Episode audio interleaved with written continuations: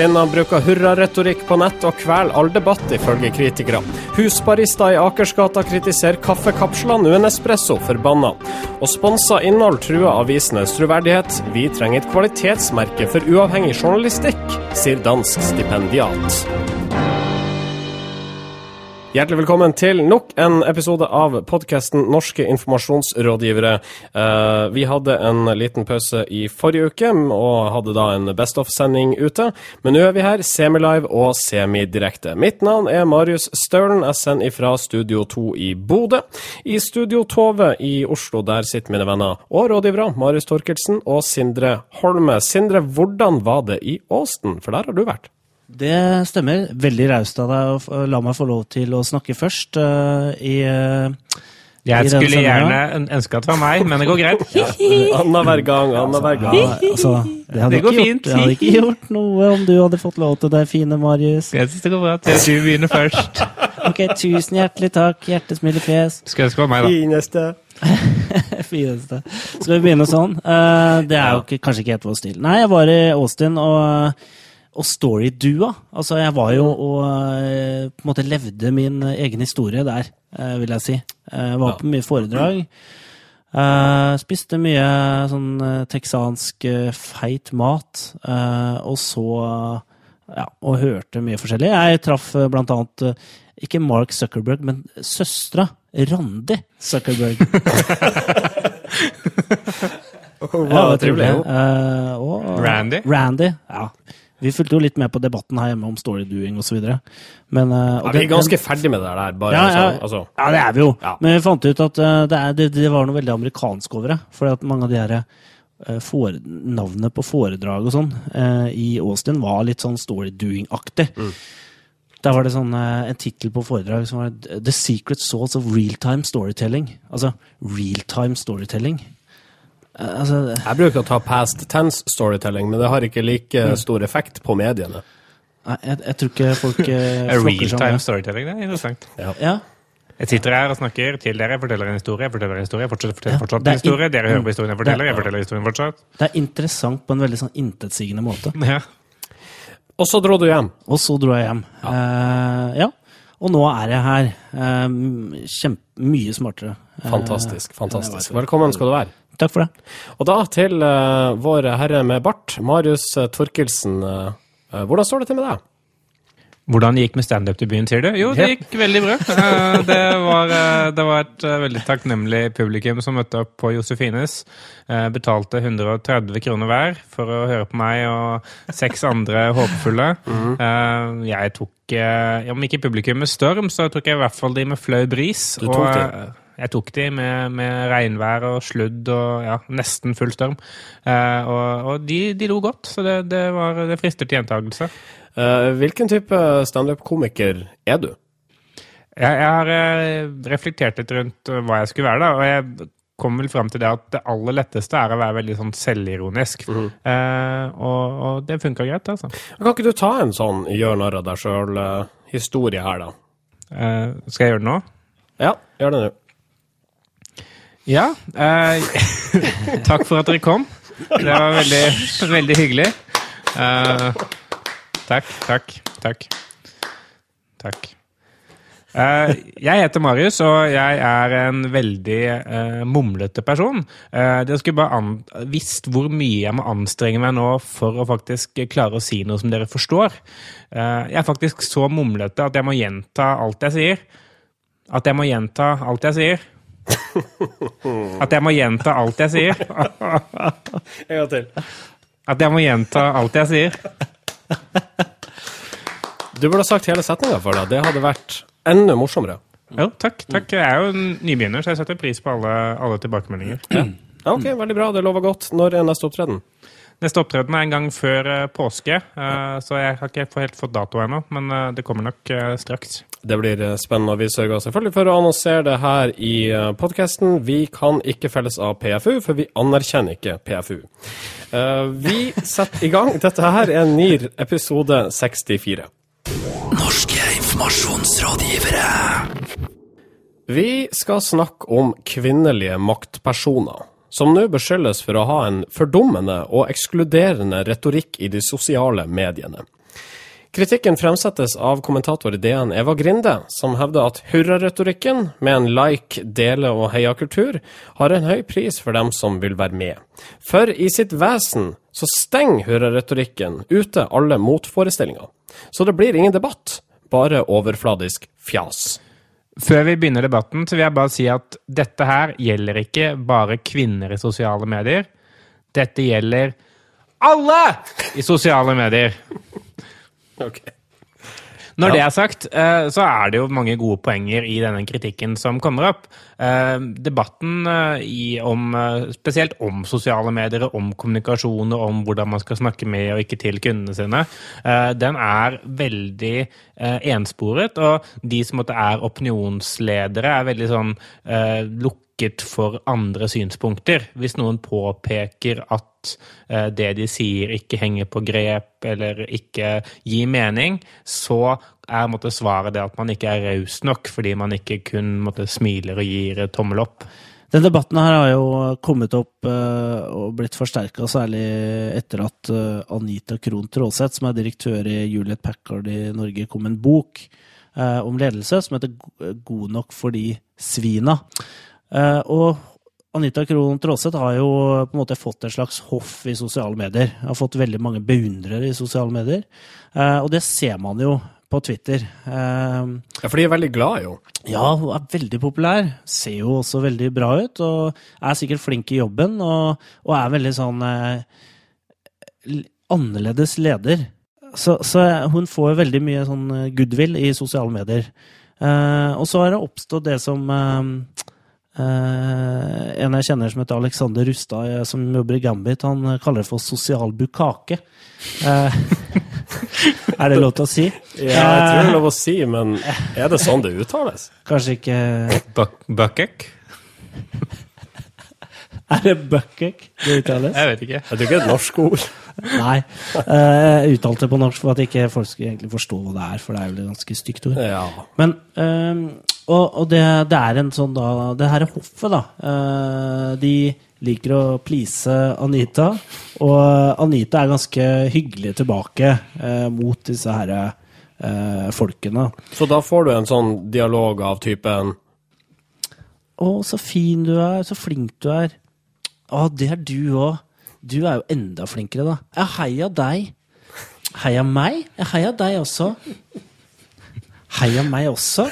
Ja, du, ja, du er jo enda flinkere, da. Hashtag flinkere? Ja. Hashtag fineste. ja. Så får jeg en sånn herre uh, vanvittig sånn uh, kos, da. Ja. Kjempekos. Altså det med store bokstaver og uh, font 190. Jeg tror det at sånn som folk tenker på sosiale medier i dag, både kvinner og menn, er det at det er viktig at vi heier på hverandre. Eh, at vi støtter hverandre, selv om folk ikke er så flinke eller kan så mye om det de snakker om. Fordi det måtte oppfordre folk til å prøve mer og gjøre mer, og da måtte bli flinke på sikt. Jeg tror at folk først og fremst blir flinke ved liksom, meningsbrytning. Da. At man kan få sitt eget verdensbilde utfordret. Eh, og kanskje spesielt når det kommer til kommunikasjon og eh, ja, sosiale medier eller markedsføring generelt sett, som egentlig handler om det om å forstå mennesker. Og hvis man kun da forstår mennesker på helt feil måte, og måtte bruke det som utgangspunkt for hele personligheten sin, så tror jeg det er bare sunt å kunne få eh, tilbakemeldinger på at det du mener her er jeg ikke enig i, eller kan du forklare det nærmere, for de gir ikke mening. Eh, og, og Den type diskusjoner må man kunne ha uten at det skal måtte bli som, oppfattes som personlig angrep på folk. Da. For det er, bare, altså, det er jo til syvende og sist noe ganske uskyldig vi, vi sitter og burde diskutere. Uh, Anita Krohn Traaseth slår på et vis tilbake i en artikkel i kampanje. Hun kjenner seg ikke igjen i kritikken som fremsettes av den kommentatoren. Nei, hun, hun, skjønner ikke helt hvorfor folk hisser seg sånn opp. Eh, hun, hun det er mye frustrasjon, eller hun tror det er mye frustrasjon rundt hva debatten egentlig handler om. Fordi eh, hun mener at de fleste bør være enige om at måtte, ukritisk heiing det er noe som er en uting. Eh, men samtidig så syns hun ikke at det er det som foregår, da. Og det er kanskje fordi hun er på den mottagende siden av det. Men ok, jeg lar det bli opp til uh, dere. rådgivere å bestemme. Er det for mye fjas i de sosiale mediene? Har Eva Grinde rett i sin kritikk som hun fremsetter i DN? Vær litt raus da, Marius. Ja, ikke still så vanskelige spørsmål, da. Ja, det blir ikke noe koselig da. Nei, kan du, like kan du ikke stille spørsmål som vi kan svare på uten at vi må gi noen feil eller rett? Ja, Er det, er det fint å være fin i uh, sosiale medier? Uh, ja. ja. Men tommel opp eller tommel ned for det? Tommel ned. Tommel, uh, altså, tommel ned for atferden i sosiale medier ja. til mange. tommel opp for Eva Grinde, som tør å påpeke det. Ja, det kan jeg stille meg bak. Okay. Takk for det, Sindre. Bare hyggelig. Maris. Norske informasjonsrådgivere. Ok, flyselskapet SAS er årets markedsfører, i alle fall ifølge, ifølge Markedsforbundet og magasinet Kampanje, som har altså hatt en kåring på dette her nå nettopp. En rekke velkjente virksomheter var nominert, bl.a. Forsvaret, TV Norge, Volkswagen, Posten og Norwegian. Og dette er store, tunge aktører med voldsomme ressurser. Og vi legger sammen to pluss to og kommer til Fire. Korrekt. Og vi kom jo frem til det at uh, hvis man skal bli årets markedsfører i Norge anno 2013 eller 2014, alt ettersom, uh, så må man være blant de som bruker aller mest penger. Og det er egentlig det som, uh, som jeg syns er interessant med denne kåringen. Det er jo bra at for SAS at de vant, og de andre sier ikke at de ikke har fortjent det, men jeg syns det er et rart, en rar sånn markedssituasjon hvor de som er størst og bruker mest, er flinkest. Fordi eh, det er en sånn særnorsk ting. Jeg opplever at eh, spesielt eh, USA og eh, også Sverige har liksom, små aktører med begrensa budsjetter som bare er sykt flinke. da. Eh, I, i utlandet så har du jo du har sånne virksomheter som Starbucks, f.eks., som er sånn såkalte sånn disruptive virksomheter som har skjønt at det går an å markedsføre seg på litt annen måte enn man, eh, man pleier å gjøre, eller eh, man gjør, har gjort uh, før. Og fortsatt er det sånn i dag at man, liksom, man skal ha en TV-reklamekampanje. Og så kjører man litt digitalt. Du skal liksom alltid ha TV-reklamen der. Og jeg, jeg, tror det er sånn Jeg tror vi har ikke de der selskapene som har vokst ut av den herre de endringene som har skjedd de siste åra. Det, det, nærmeste jeg kan komme, er liksom Stormberg, men det er lenge siden jeg så en Stormberg-markedsføring. Men det er jo en sånn virksomhet som virkelig har brukt fortjente kanaler og liksom markedsført det ganske tydelig og bygd en veldig tydelig rolle eller posisjon, da. Mm, så, med bruk av litt annen type markedsføring. Men, uh, men det er ikke så mange av dem i Norge. Men det er mulig å bli årets markedsfører borte hos Markedsforbundet og magasinet Kampanje, selv uten å bruke de store pengene på de dyre kanalene, f.eks.?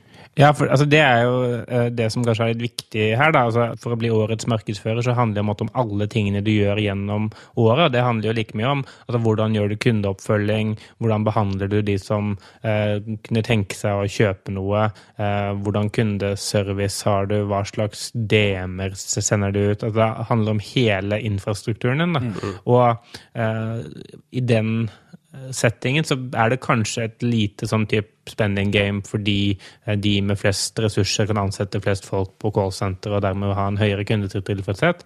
Men det handler også om å bruke eksisterende teknologi på en smart måte. Eh, og en mindre virksomhet vil sannsynligvis også ha færre kunder og kunne følge dem opp kanskje like bra, om ikke bedre. All right. Så uh, små virksomheter, skjerp dere og bli årets markedsfører. Ja. ja ikke, opp, ikke operere etter reglene som, som, de største setter. Det tenker Nei, jeg kanskje det er det viktigste. Lag dine egne regler. Ja, Det var et veldig godt sitat der fra eh, standup-komiker eh, Marius Torkelsen. Vi eh, går videre. Men det var ikke så morsomt. Nei, det var ikke så morsomt. da. Norske informasjonsrådgivere. Vi skal snakke om kaffe nå, nærmere bestemt kaffen i Aftenposten. For der borte så har Tim Wendelboe nå blitt en slags husbarista, for han har en web-TV-serie som heter for Verdens beste kaffe. Og her så har han benytta anledninga til å kritisere kaffekapsler, for disse er ikke av samme kvalitet som de, den kaffen man får tak i i diverse kaffebutikker rundt omkring i verden, sier han. Uh, og dette her har selvfølgelig fått Nespresso til å sette sine mangefargede kapsler i halsen. Vendelbo meler bare sin egen kake, mener folkene der borte. Ja, de mener det. For eh, Vendelbo han eh, er eh, selv sponsa av Wilfa, og han, eh, han la, har annet vært med å utvikle en kaffemaskin som heter sort, Svart Manuell, og en eh, kaffekvern osv. for Wilfa. Eh, og eh, han har jo også sin egen kaffeblanding, som jo er eh, ikke kapsel, men bønder. bønner. Så han har kommersielle interesser, mener han Espresso, i å kritisere kapsler. Og dette får han gjøre på en slags redaksjonell plass i Aftenposten. Ja, det får han lov til å gjøre i en uh, web-TV-serie som eh, heter Verdens beste kaffe. Geir Kronbekk, som er Nespresso-sjef, han eh, sier det at eh, han antar det at eh, Nespresso ikke ville fått samme muligheten til å lage en TV-serie eh, på Aftenposten, hvor, eh, hvor de kunne fortelle om all kvaliteten som lå i det med å pakke kaffe inn i kapsler. Eh, og så sier han som Sindre er inne på, at her er det bare at Den eneste grunnen til at Tim, Tim Vendelbo sier dette, her, er fordi han har lyst til å tjene penger sjæl, og han har vel blunka seg ut av Mr. Vendelbo som den største konkurrenten på det norske markedet. Det som jeg syns er interessant i det debattinnlegget til eh, da Nespresso Kronbekk, er at han sier ikke på noe tidspunkt at kaffen deres er av bedre kvalitet. Han sier bare det at eh, han syns, han syns det er åpenbart at eh, Tim Wendelboe sier dette fordi eh, han selv har interesser i å selge annen type kaffe. Men har Geir Kronbekk i Nespresso Norge et poeng når han sier at Tim Wendelboe villeder forbrukeren, og også samtidig antyder at det ikke ligger god presseskikk i å la han kritisere kaffekapsler eh, i en web-TV-serie på Aftenposten? Det er, det er jo to ting. For han, han har ikke et poeng når han sier at Wendelbo villeder forbrukeren. fordi han kan ikke bevise at det er feil. Men han har et poeng i måte, det at det er dårlig presseskikk å la de tingene som Tim Wendelbo sier i denne serien, stå uimotsagt. Spesielt når serien er sponset av en eh, konkurrent. da. Eh, For han rakk jo i teorien ned på produkt og hele produktgrunnlaget til Nespresso. og Sånn sett så burde de fått tilsvar. Eh, Dette er vel å betrakte som redaksjonelt innhold fortsatt. Men det fikk de jo også gjennom å skrive et debattinnlegg som fikk spalteplass i Aftenposten. Jo, men det er jo ikke i, i samme kontekst som meningen blir ytret i. Så betyr jo det at folk kan se serien og aldri komme i nærheten av debattinnlegget. Det er litt vanskelig det her, fordi eh, sant, du har jo på en måte en tilsvarsrett, sånn samtidig tilsvarsrett. på en måte. I en dokumentar for eksempel, da, så bør de kunne forsvare deg hvis, eh, hvis eh, du får veldig sånn ensidig kritikk mot deg. Så bør man slippe til ordet. Men her er sjangeren her er jo egentlig det er forbrukerstoff. Det, er, det handler om Det er feel good, liksom. Det er sånn lager du god kaffe. Eh, Så Aftenposten har ikke tenkt at dette er debattema i det hele tatt, og derfor så har de vel tenkt at ok, dette her eh, Her skal, her skal Team Wendelboe få snakke. Eh, Og har vel egentlig ikke sett at den, den problematikken kan oppstå, da.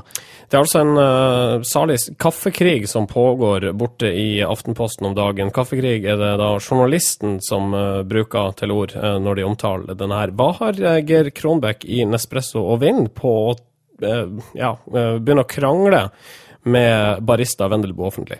Jeg tror ikke han har så veldig mye å vinne på det. Eh, Jeg tror at hvis eh, Kronbekk hadde representert Ali kaffe, eller en type kaffe som er veldig sånn billig kaffe, så tror jeg man lett kunne gitt Team Wendelbo et sånn derre snobbestempel. Men her er det en kaffeprodusent som ønsker å være premium, som kritiserer en annen eh, kaffeaktør som er premium.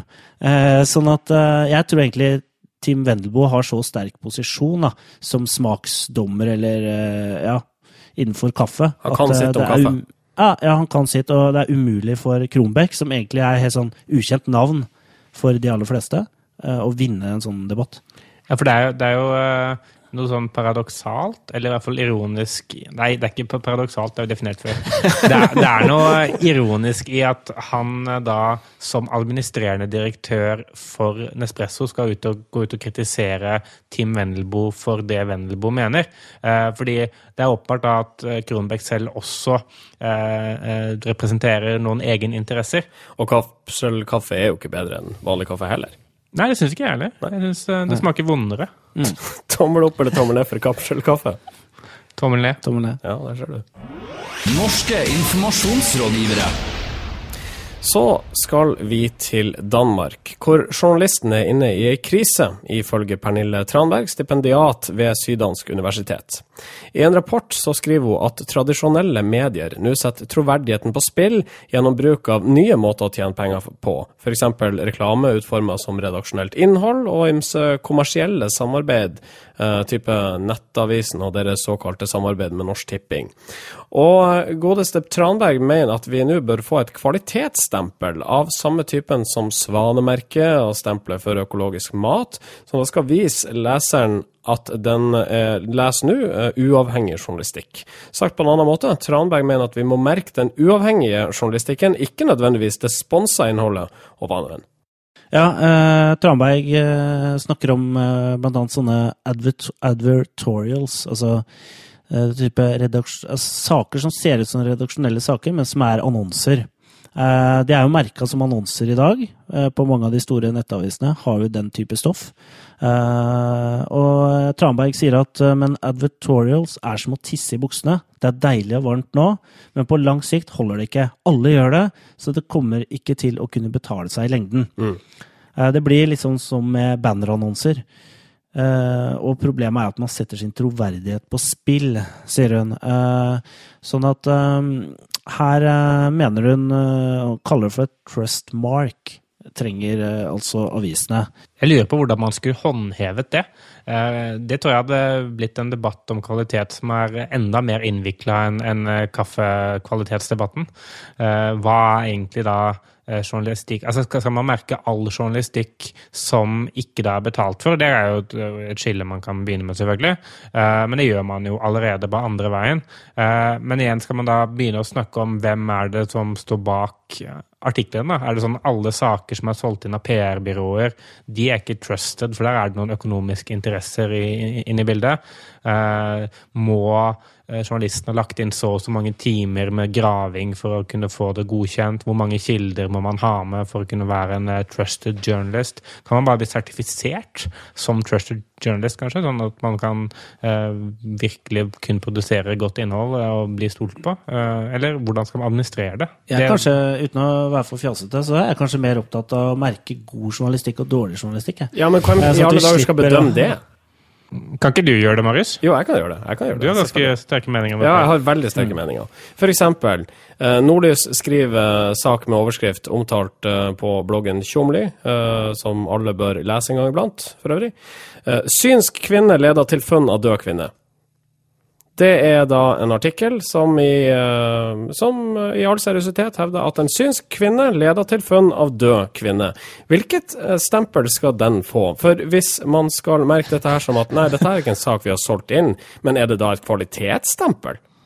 Ja, det er det. Eh, er det bra journalistikk? Uh, nei, men altså, det er jo jeg, jeg tror Man kan, man kan jo kommet- begynne med all journalistikk som ikke er sann, da. Og så merke det som dårlig. Ja, Jeg kan bare eller ta sånn derre sant på alt som er Ja, sant. eh, eh, eller svak eh, journalistikk. På en måte at vi har, ikke, vi har brukt en kilde. Vi har egentlig ikke snakka med noen kilder. Vi har bare referert til et uh, litt frynsete uh, uh, medium i Storbritannia. Det blir for mye, det blir for mye eh, merking, rett og slett. Ja. Jeg, jeg syns egentlig hele dette utspillet er litt sånn useriøst. Jeg, jeg tror det først og fremst er egentlig en sånn snikete måte å bedrive mediekritikk på.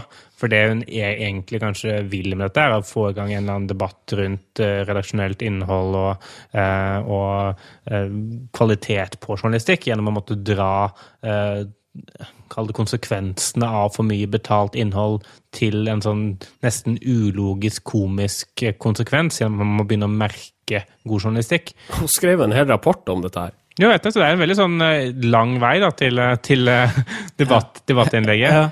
Men jeg tror at, altså, at det som har kommet ut av den, denne rapporten, er jo en slags sånn tabloidisering av hva hun har skrevet om, da, eh, for å få omtale. Og det er klart at sånt merke, En sånn merkeanordning er veldig lett for oss å diskutere. Så hvis man skal gjøre et innsalg på en eh, veldig lang rapport om journalistenes eh, og journalistikkens tilstand i Danmark, så trenger man en eller annen knagg.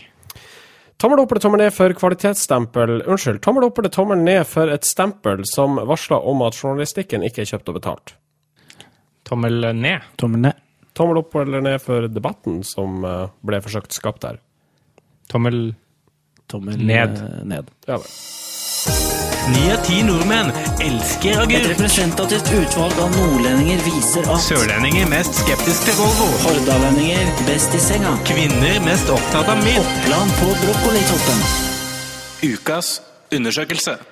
Og i denne spalta her så setter vi lys på eh, en av eh, PR-bransjens viktigste eh, virkemidler, nemlig undersøkelsen. For det er altså slik at mediene de hopper glatt på det, så hvis du vet et eller annet statistisk som de ikke vet, så får du det på trykk. Det stemmer, og dette har vi valgt å sette fokus på i denne spalten. og Derfor så går jeg gjennom alt av medier for å finne de eh, morsomste undersøkelsene fra uka som har gått. Må de nødvendigvis være morsomme, eller? Eh, De må ikke være morsomme, men de kan også være bare gode eksempler på hvor lett det er å få tall og stats på, på trykk. Ja. For dette her er kritikk av vår egen bransje og media. Ja, det er eh, parallellkritikk av PR-bransjen og, og journalistene. Så det tror jeg vil gjøre at vi er upopulære i begge leirer. ja, og det har aldri skjedd før at et uavhengig medium eh, kritiserer begge leirer. Du har altså valgt ut eh, tre eh, gode eksempler på disse undersøkelsene, og vi begynner med en tredjeplass. Tredjeplassen den går til Telenor eh, Business. eh, og for De har gjort en eh, undersøkelse som viser det at én av to nordmenn bruker ikke automatlås på telefonen. Det var alt. Eh, Dette har de fått en lang eh, sak om eh, i diverse Bl.a. E24 har skrevet om det. DN har skrevet en kort sak om det. Og egentlig poenget er bare det at flere bør bruke sånn sikkerhetslås, sikkerhetslås, mener da Telenor. Og grunnen til at de mener det, virker som er utelukkende fordi de vil få presse på det, og sikkert fordi de vil framstå som litt sånn opinionsledere på mobilsikkerhet, da, for det er, det er viktig. Ja. Men eh, det som jeg syns er morsomt med denne, denne saken, er at man bruker da den veldig sånn journalistisk vennlige én av to, og ikke sånn prosenter og sånn Hva med halvparten, er ikke det bedre? Man skulle tro det, men én av to er enda lettere å forstå. Det er, det er, liksom, det er, det er det tall Det er fortsatt tall, men det er ikke så vanskelig tall. Én av hvor mange? To. To. Nei, det var lett å forstå. Kanskje journalisten analyserer seg frem til at det er jo halvparten. Det, det er 50 det! Det er 50 det! 500 promille, gitt. Uh, OK, én av to bruker ikke mobillåsen, og det er selvfølgelig da noen som er bekymra for det, og uh, anmoder da om å bruke mobillåsen. Og det er for så vidt et godt poeng, for det bør man gjøre. Ja, det bør, man bør jo det, hvis den blir uh, stjålet. Så takk, Telenor. Uh, vi går videre til en uh, andreplass. Andreplass, den går til Elkjøp. Og eh, Elkjøp de har nå gjort en undersøkelse på kjøkken, fordi Elkjøp, de selger jo hvitevarer til kjøkken. Og de har funnet ut at eh, mannfolk de vil ha nytt kjøkken. Eh, 23% av menn eh, vil ha nytt kjøkken. Og det er faktisk et helt prosentpoeng mer enn antall kvinner som vil ha kjøkken. Ah. For det er 22 Um, så uh, det her har jo Elkjøp eh, prøvd å finne en eller annen sånn der Ok, hva er forskjellene her? Altså, hvor er forskjellene mellom kjønnene? Ok, det er ett prosentpoeng mellom uh, kvinner og menn. Vi bare prøver det. Uh, Og gjennomslag fikk de. Ja, for det er, det er jo ikke, et- det er jo ikke et standardavvik engang. Du, du vet det kan, kan det hende at det er nøyaktig like mange Ja, som vil ha det kjøkken kan på hende begge være kjønn. omvendt også. Ja, det kan være omvendt. Ja. Men eh, det driter østlendingen.no i, og de eh, skriver en lang sak om dette her. All right, da går vi til ukas undersøkelse, som altså jingeren peker til. Ukas undersøkelse den ble gitt til oss av Kodan, eller Kodan Forsikring. Eh, De har gjort en undersøkelse på hva er det som irriterer oss mest i bilen. For de skal selge bilforsikring. Mm. Er det baksetersjåfører? Er det matsøl? Eller er det noen som kjører for tett oppi bak? Dagbladet velger å gi deg svaret. Og det som irriterer folk aller mest, eh, det er at andre i bilen kommenterer egen kjøring. Ja. Baksetesjåfører. Baksetesjåfører, 47% av kvinner syns dette er irriterende, mens 37% av menn syns det er irriterende. Eh, Til sammen da 42 eh, Og Det jeg syns er litt sånn fint med akkurat at den kommer på topp, er det at eh, det er et forsikringsselskap som står bak, og de burde egentlig være interesserte i at folk sitter bak og kommenterer sånn Er du ikke litt nærme den bilen foran nå, eller har du god nok rom til denne svingen. Mm. For de vil jo at folk ikke skal skade bilene sine, og baksetesjåførene de tror jeg bidrar til det. Og det sier, eh, altså Undersøkelsen sier, altså i hvert fall ut ifra mine ikke signifikante konklusjoner, så sier undersøkelsen også det at um, kvinner er mindre mottakelig for konstruktive innspill når de er ute på veien. For menn tar dette her lettere til seg, og det er bare noen få som lar seg irritere over disse konstruktive tilbakemeldingene fra baksetet. Jeg tror kanskje det er det at kvinner får mer konstruktive tilbakemeldinger. Når de lar seg irritere mer. Men ikke de fine kvinnene, da.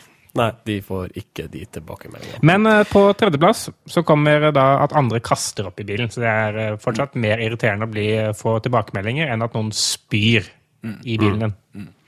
All right, det er altså Kodan Forsikring som uh, leverte oss ukas undersøkelse her i podkasten NIR, og da går vi videre, da. Det gjør vi. Ukas medieinnsalg. Og innsalget denne uka her uh, er det altså Craft, sportsmerket Craft, som får. Hvorfor det? Jo, de har fått eh, Marit Bjørgen på kroken, skriver Dagbladet. Eh, og kanskje er det egentlig litt sånn eh, omvendt, for Marit Bjørgen virker særdeles begeistra for den her eh, tøyprodusenten. Som er hennes nye sponsor. Ja, det er hennes eh, Det er noe hun har begynt å bruke sånn på privaten. da. Eh, På landslaget så er de sponsa av Bjørn Dæhlie eh, og bruker Dæhlie-tøy. Men eh, eh, Marit Bjørgen har da begynt å bruke Craft-tøy etter å ha fått eh, Etter å ha vaska klærne til Charlotte Kalla. Eh, Det syns jeg var litt sånn pirrende. Hvem er det? Det er en svensk langrennsløper. Okay. Jeg, jeg syns jo altså, måten dette ble lansert på, uh, var litt interessant. fordi rett etter OL, uh, eller da noen, en uke etterpå, så innkalte Marit Bjørgen til pressekonferanse hvor hun kunne avsløre at hun hadde en nyhet. Eh, og folk begynte sånn med en gang. Hva er dette her for noe? Er hun gravid? Skal hun legge opp? Eh, eh, hva, hva er det som har skjedd? Og så var det Nei, skal jeg begynne å bruke craft-tøy da, på, på kveldene. Det er der. Altså, det kaller du ikke inn til pressekonferanse til. Det- Det gjør du ikke. Det gjør du ikke ikke, men gjør dette. Men det er utrolig, da. Når du har journalister som er mikrofonstativ, levende mikrofonstativ, så kan du jo faktisk gjøre det. Ja, for det var Eh. noen som valgte å omtale dette her. Ja, Dagbladet siterer Marit Bjørgen. Jeg har jo hatt Charlotte Kalla på besøk noen somre nå. Hun har jo hatt en craft-avtale lenge, og jeg må innrømme at jeg var nysgjerrig. Jeg likte klærne hennes. Fargene, snittet, alt. Da Charlotte i tillegg skrøt av funksjonaliteten og kvaliteten, var jeg godt på glid. Og da jeg fikk vaske klærne hennes etter ei svett treningsøkt, og jeg vasket dem ganske hardt, og sjekket dem etterpå, forsto jeg at dette var noe jeg kunne bruke. Det var en interessant måte å lese et sitat på. Det er et veldig interessant sitat, da, i utgangspunktet. Det kan ikke leses på noen annen måte, Staun. Beklager. Det var ikke jeg klar over. Det, kommer, det står i saken også sånn, sånn start Cupido-stemme, og så slutt Cupido-stemme. Det står i sånn der, i kursiv, sånn som eh, ja. Sånn som gjerne sånne kiosklitteraturbøker er skrevet i. Mm, mm. Etter det jeg har hørt. Kan vi, noen burde spurt eh, Marit Bjørgen om altså, Vasker hun klær for hånd? Er ikke det veldig rart? Ja, altså, sånn, man skulle jo tro at man har, når man er langrennsløper, så må man spare alt av krefter i armene. Hvis du, hvis du må vaske denne dressen her for hånd fordi at den ikke tåler det, um, Tåler så tenker jeg det, altså Da er den ikke så bra, den kraftdressen, men hvis du må det, så har du jo en tjener til å gjøre det, hvis du heter Marit Bjørgen. Ja, Han heter Fred Børre Lundberg. det er det han heter. Ja. Syns jeg hørte om han før, gitt. Jeg tror vi må runde av denne spalta, for nå mm. uh, blir det veldig perifert. Ja, vi per, ja. Eh, Det gjør det. Ja. Men godt jobba, da. Ja. Av Kraft. ja, veldig godt jobba. Ukas kudos. Og vi gir eh, kudosen til en tegneserie denne uka, eller folkene bak den. For denne stripeserien handler om noe vi brenner for, altså PR. Ja. Eh, det er en te- strip- tegneseriestripe i flere deler som heter Et PR-bransjeliv, som er eh, signert eh, Aris Theofilakis og Pål Henrik Roska Danielsen. De liker å velge vanskelige kunstnernavn, de to der. De jobber i Futatsu begge to, og har tydeligvis inngående kjennskap om PR-bransjen. Og den gis altså ut gjennom Blekka, kreativtforum.no, og det er da Aris Bakkis og Pål Henrik Roska Danielsen som får kudosen denne uka. Gratulerer. Gratulerer. Vær så god. Norske informasjonsrådgivere. Sending over. Eh, husk at du kan følge oss på Facebook. Facebook.com slash Nearcast. Eh, altså, du kan putte en like på oss på Facebook.com slash Nearcast, og eh, da er det da en community manager som legger ut ting der av og til. Ja, du kan eh, sende oss en e-post òg. Elektronisk eh, post på nearcast.yahoo.com. Ja. Du kan eh, skrive til oss på Twitter under hashtaggen Nearcast. Og så kan du høre på oss på soundcloud.com slash Nearcast eller iTunes. Hvis dere gjør det ene, så kanskje dere ikke vet om det andre, så derfor sier vi det likevel. ja. Vi har noe trøbbel med iTunes. Eh, den siste tida tipper episodene har ikke kommet ut tidsnok. Vi forsikrer dere, det er ikke vår feil. Det er ikke vår feil. Vi eh, legger oss ikke flate. Nei. Eh, har, er det noe mer dere Ja, legge til? jo, jeg vil bare si det at uh, tusen takk til Ole Kristian Bøhn, som uh, tipsa oss om ukens medieinnsalg. ja. Det, sånne type Veldig tips bra. gjør at vi blir mye morsommere enn det vi fortjener, for det var en veldig bra sak. Så takk for det. Får du noe standup-materiale ut av det nå? Ja, det blir jo kanskje litt det. Jeg prøver jo å måtte notere ned hver gang dere sier noe morsomt, så jeg kan bruke det eh, og late som jeg kom på det selv. Men er det lov til å copyrighte det vi sier? Altså, at- nei, det, det får du faktisk ikke lov til å si. Kan jeg si det? Eh, det tror jeg ikke er lov. Vi setter en såkalt strek.